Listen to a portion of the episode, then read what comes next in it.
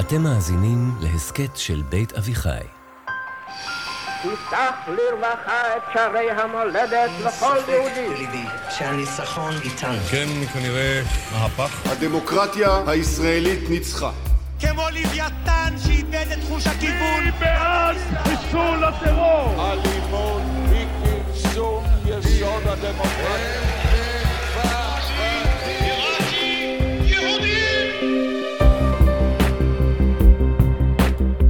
שלום, אני אפרת שפירא רוזנברג, ואתן מאזינות ומאזינים למפלגת המחשבות.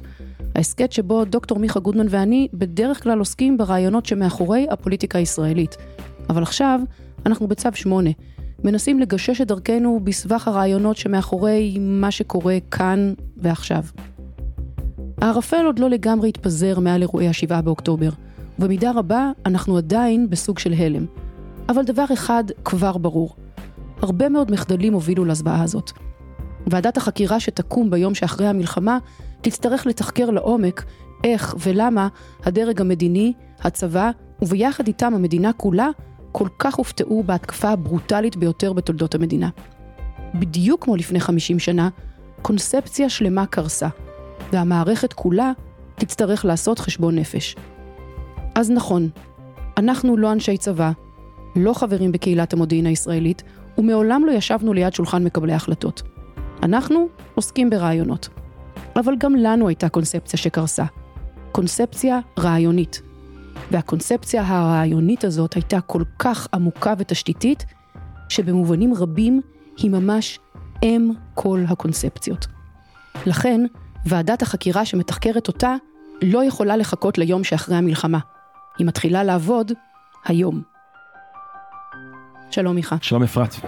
ועדת אגרנט שהוקמה מיד אחרי מלחמת יום כיפור כדי לחקור את אה, מחדלי המלחמה, טבעה מטבע לשון שנכנס למחזור הדם הישראלי מאז. והיא דיברה על הקונספציה שכשלה. וככה היא בעצם הסבירה את המחדל הגדול שקרה. הייתה קונספציה שכולם, כל צמרת מערכת הביטחון וההנהגה המדינית היו שבויים בקונספציה הזאת, ולאורה התפרשה כל המציאות וכל מה שהיה, הכל התפרש לאור הקונספציה. הקונספציה ב-73 הייתה פשוטה. סוריה לא תיכנס למלחמה עם ישראל לבדה. היא צריכה את מצרים. מצרים לא תיכנס למלחמה עם ישראל עד שאין לה מערכות נשק מסוימות. המודיעין הישראלי אמר, היי, hey, זה מאוד סביר, סוריה לא תיכנס בלי מצרים, ומצרים בלי מערכות נשק שיאפשרו לה להשיג הישג גדול. אז כמו שאנחנו צריכים לעשות זה לעקוב אחרי רכישות הנשק שלהם. ועד שאין להם את העוצמה ואת היכולת הטכנולוגית להתקיף את ישראל, הם לא יתקיפו את ישראל, ואז אין מלחמה. זאת הייתה הקונספציה, זה רעיון מסדר, זה רעיון מסדר במובן הזה שאתה מאמין ברעיון הזה ולאורו אתה מסדר את האינפורמציה, לאורו אתה מפרש את כל האינפורמציה.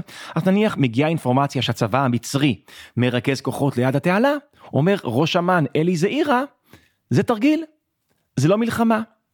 זה הגנה הם חושבים שאנחנו מתכננים מלחמה, אבל זה לא מלחמה. הם עשו מאמצים פרשניים כדי להתאים את האינפורמציה לקונספציה. לקונספציה. 50 שנה ויום אחרי הקונספציה ההיא, אנחנו כולנו שואלים מהי הקונספציה שקרסה, מהו הרעיון המסדר, הרעיון שלאורו סידרנו את האינפורמציה ופירשנו את האינפורמציה וגרם לאנשי מודיעין מאוד חכמים לפרש את כל מה שהם רואים וכל התרגילים של חמאס בצד השני כל זה לא סימן שמעיד שמתכננים מתקפת פתע כל כך גדולה. ב-30 נקודות שונות, כל הדבר הזה, הם לא ראו את זה מגיע כי הם פירשו את האינפורמציה לאור הקונספציה, שחזרנו את העיוורון שבו דעות קדומות שלנו ביחס למציאות נוטות להסתיר לנו את המציאות. עכשיו לגבי השאלה מה בדיוק הייתה הקונספציה, או איך נוצרה הקונספציה הזאת, עוד תקום ועדת חקירה, ידברו בה רבות. אבל uh, נדמה שכולם יודעים פחות או יותר את התשובה לשאלה הזאת, נכון? החמאס מורתע. כן, זאת הקונספציה. ועדת החקירה אולי תצטרך לחקור איך הגיעו לזה. איך יצרו את התמונה וזה, שהחמאס כן. מורתע, אבל החמאס מורתע, זו הקונספציה. ואם החמאס מורתע, אתה חמאס לא מתכנן מלחמה, אם אני מאמין באמונה שלמה ברעיון הזה, אז לאור זה אני מפרש את כל האינפורמציה ואומר, זה לא מתקפת פתע אסטרטגית נגד ישראל. עכשיו, אנחנו לא אנשי צבא, לא אנשי מודיעין, לא מקבלים החלטות ברמות האלה. ואנחנו לא ועדת אגרנט. נכון. אבל אנחנו כן מפלגת המחשבות, ואנחנו רוצים לנסות לדבר אולי על הקונספציה שבשורש הקונספציה. בדיוק, מאחורי הקונספציה חמאס מורתע, מונחת קונספציה עמוקה יותר. רעיונית. והקונספציה העמוקה יותר היא הקונספציה לא של אנשי מודיעין, לא של אנשי צבא, אלא של, אני חושב, של לא אנשים, כל, של אבל אנשים. מרבית הישראלים. לא כולם, אבל מרביתם. אתה יודע מה, אני ארשה לעצמי לומר, לא רק של מרבית הישראלים, אני חושבת של בני אדם מערביים. כן, נכון. את צודקת, זו קונספציה לא ישראלית אלא זאת מערבית. קונספציה מערבית. נכון. מהי הקונספציה של הקונספציה? הקונספציה הרגילה אולי מסבירה למה לא פירשו נכון את האינפורמציה. אבל הקונספציה העמוקה יותר מסבירה למה לא יכולנו לדמיין את הסיטואציה. זה לקחתי מהוול סטריט ג'ורנל שדיברו על failure of imagination. זה לא כשל בפרשנות של האינפורמציה, אלא זה כשל עמוק יותר. לא יכולנו לדמיין את הסיטואציה הזאת.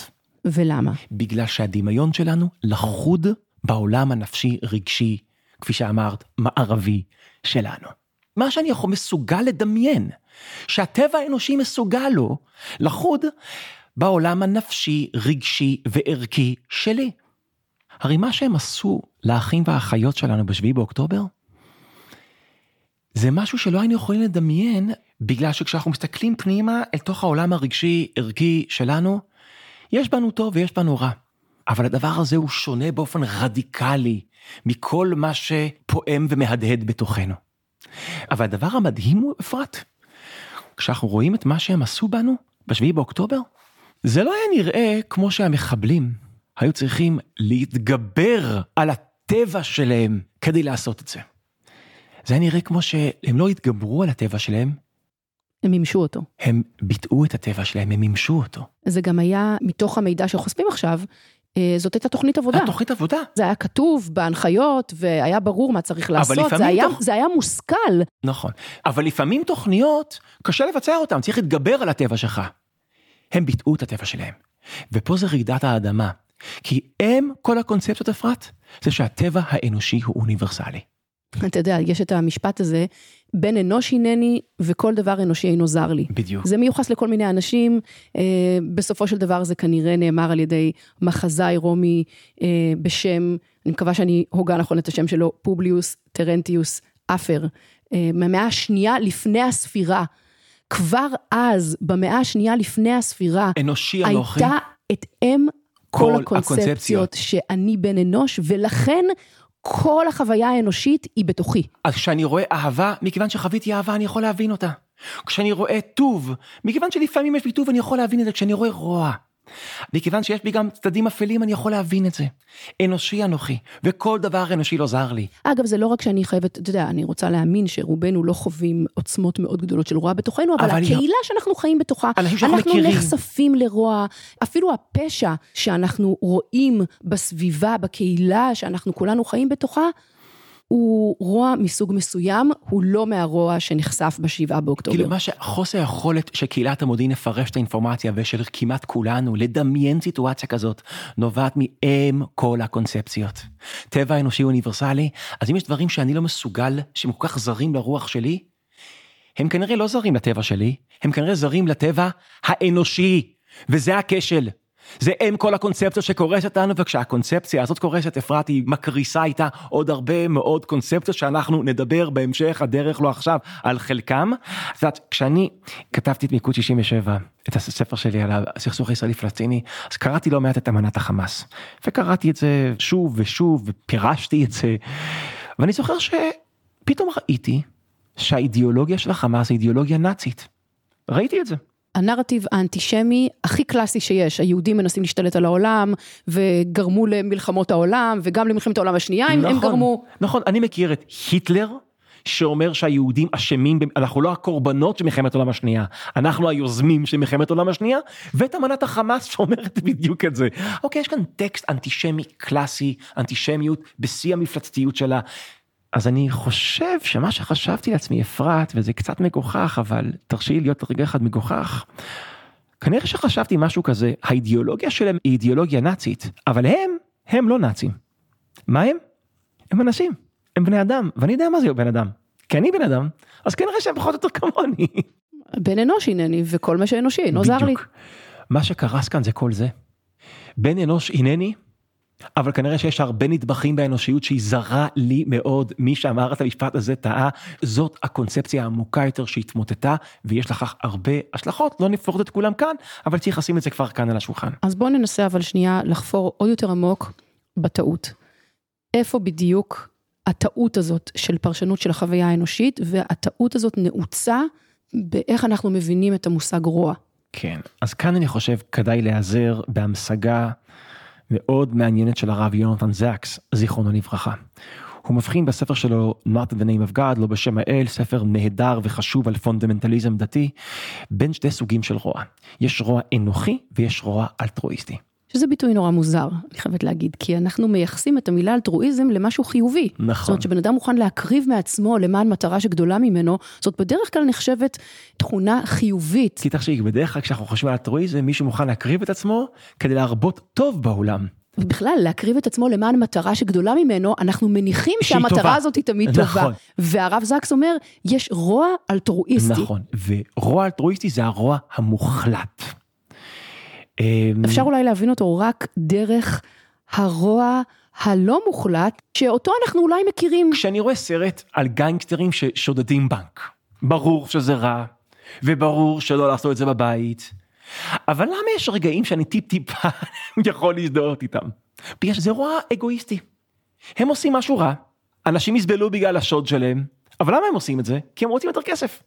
כן? מכל מיני סיבות. מסיבות אנוכיות. אז המנוע של הרוע שלהם, שהם עושים רע לאנשים אחרים, ומפיצים סבל בעולם והרס בעולם, המוטיבציה שלהם היא אנוכית. נניח מופע מעניין של הרוע המוחלט, הרוע האלטרואיסטי, היה לנו במלחמת העולם השנייה. במלחמת העולם השנייה, ב-1942 זה השלב שבו המומנטום הגרמני כבר נבלם. עוד לא הייתה התהפכות של המגמה כמו שהיה ב-43 ו-44, אבל ב-42 באיזשהו שלב ההתפשטות הגרמנית נבלמה, ואז יש שאלה, ושוחחתי עם זה לאחרונה עם היסטוריונית מלחמת העולם השנייה, ויש משאבים מוגבלים לגרמנים, קרונות של, ה... רכבת. של הרכבת. במה נעמיס את הקרונות? בבגדים חמים לגרמנים שבחזית המזרחית? באוכל? בנשק. בנשק?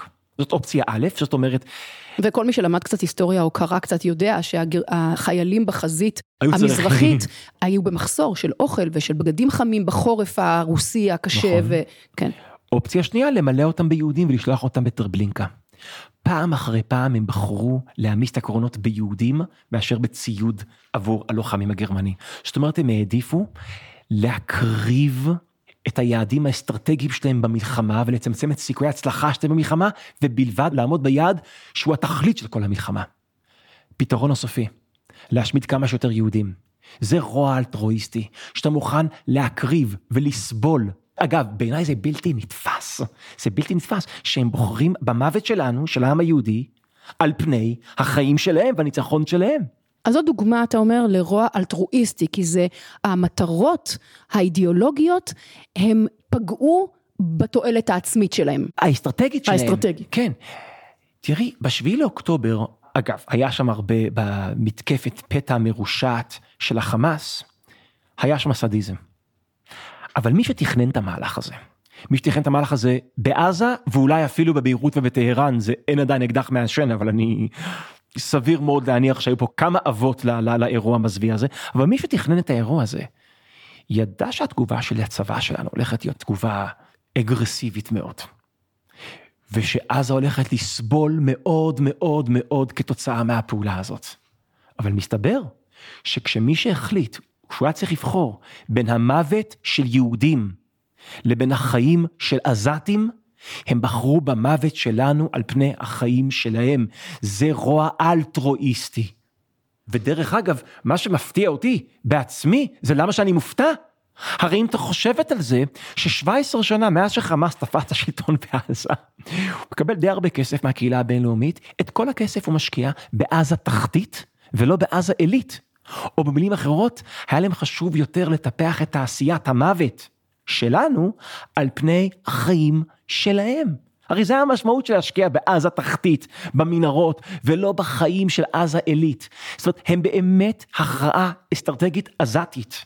הם מוכנים להקריב את איכות החיים שלהם ואת החיים שלהם עבור הסבל שלנו והמוות שלנו. רוע אלטרואיסטי, כהכרעה אסטרטגית. עכשיו, פה, בדיוק בנקודה הזאת, נפגשת אם כל הקונספציות הזאת על הטבע האנושי, עם הקונספציה הצבאית בדבר הרתעתו של החמאס. זו, זאת הצומת שבה שתי הקונספציות האלה נפגשות. בדיוק, אני אנסה להסביר למה הקונספציה, האם כל הקונספציות האוניברסלית של הטבע האנושי מאפשרת את הקונספציה הצבאית של הרתעת חמאס. כי כנראה כשבתוכנו מופיע רוע זה רוע אגואיסטי. לפעמים אתה מתפתה לפגוע במישהו אם אתה מרוויח, אם אתה מאמין שאתה תרוויח מזה, זה סוג הרוע שאנחנו מכירים בתוכנו. ואז כשאתה משליך את זה על חמאס, אז אתה אומר, היי, ברור שהם רעים, ברור, ברור שהם אנטישמים, אף אחד פה לא חשב שהם לא רעים ולא אנטישמים ולא טרוריסטים. אולי יש אנשים שחושבים ככה, אבל בוא נאמר ככה בקהילת המודיעין והבינו את הקטע הזה. אבל מכיוון שהרוע שלהם הוא רוע אנוכי, אז זה סוג של רוע שאפשר לייצר מערך תמריצים שיגרום לרוע הזה להיות מוכל ולא להתפרץ עלינו. כי בסוף, מה זה רוע אנוכי? הם רוצים שיהודים ימותו, אבל הם גם רוצים חיים טובים, כי זאת לעצמה. ההחלטה הרציונלית שבן אדם... אנוש נכון, בסוף רוצה נכון, לחיות טוב. נכון, ואז אם זאת ההנחה לגביהם, הנחה שגויה, אבל זו ההנחה שהנחנו לגביהם, אז אפשר לייצר מערך של תמריצים שמאפשר להכיל את הרוע הזה. למשל, מקל גדול. כל כמה שנים, סבב, נכה בהם, ואז הם יפחדו מאיתנו, אוקיי? ומצד שני, גזר גדול. דולרים, את יודעת, משם מקטאר. נמל, אזורי דייג, אישורי כניסה לישראל. זה. ואז, היי, אם הרוע שלהם הוא רוע אנוכי, בסוף הם רוצים, בבחירה בין המוות שלנו לחיים שלהם, הם באמת רוצים את החיים שלהם, אז יש כאן מערך של תמריצים, של מקל וגזר, שמאפשר לרוע שלהם להיות מוכל ולא להתפרץ עלינו. כמה שטעינו, כמה שאני טעיתי. אם הרוע שלהם הוא לא רוע אנוכי, אלא רוע אלטרואיסטי, לא רוע יחסי, אלא רוע מוחלט, אז הביטוי חמאס מורתע זה אוקסימורון. אי אפשר לנהל מערכת של uh, תמריצים. כן. אין איך דרך לתמרץ רוע מוחלט, כי שום תמריץ הוא לא תמריץ. כי כל תמריץ מניח שהמוטיבציה שלך היא אנוכית. כן. שאתה מעדיף את החיים שלך שיש לך משהו שלי. להרוויח שהוא כן. מעבר למטרה כן. הגדולה, שזה השמדת הצד השני. אבל עכשיו שעברנו התגלות במובן הזה שמשהו במציאות התגלה. לא לכולנו, אבל לרבים מאיתנו. אז זה גם משנה את כל המשוואה האסטרטגית. כי אם זה רוע אנוכי, אפשר לייצר מערך של תמריצים שיכול להכיל אותו, אבל אם זה רוע אלטרואיסטי, אי אפשר להכיל אותו, אי אפשר להרתיע אותו, אי אפשר לתמרץ אותו. יש רק אופציה אחת. להשמיד אותו. ובסירה אחת איבדנו לשמיים, וכשטיפות ירדו חשבנו שזו ברכה, עכשיו זו סערה, למה זה מגיע לנו? ואיך זה שלא ראינו את זה בא? אני אפרת שפירא רוזנברג, וזה היה עוד פרק במגויסים, העונה המיוחדת של מפלגת המחשבות. מטבע הדברים, הפרקים האלה מוקלטים ממש בזמן אמת, מתוך ניסיון לעשות לעצמנו קצת סדר בכאוס הרעיוני והרגשי שאנחנו נמצאים בתוכו. הם גם יותר קצרים, וגם עולים לאוויר לעיתים יותר קרובות. אם אתם רוצים להיות מעודכנים, אתם מוזמנים להצטרף לדף הפייסבוק שלנו או לאחת מקבוצות הוואטסאפ השקטות, שם אנחנו מודיעים בכל פעם שיוצא פרק חדש. תודה רבה לניר לייסט ולאור שמיר ערוכים, לאייל לויט ולשחר מונטלק על ההפקה, ולניבה גולדברג ולמתן חיים מצוות הדיגיטל. אתם מוזמנות ומוזמנים לאתר בית אביחי, שם תוכלו למצוא עוד פרקים של מפלגת המחשבות, וגם תכנים רבים נוספים שבית אביחי מציע היום כדי לעבור ביחד את הימים המורכבים האלה. ובבית ההוא שם ישבנו שנינו ושתקנו מילים שיכולנו לומר עכשיו זה חדר ריק, למה זה מגיע לנו? ואיך זה שלא ראינו את זה בא?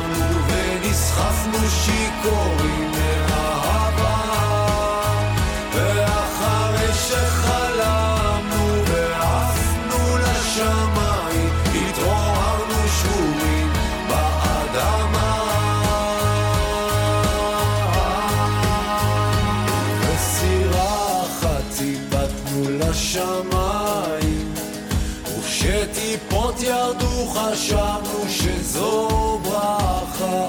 עכשיו זו סערה למה זה מגיע לנו? ואיך זה שלא ראינו את זה פעם?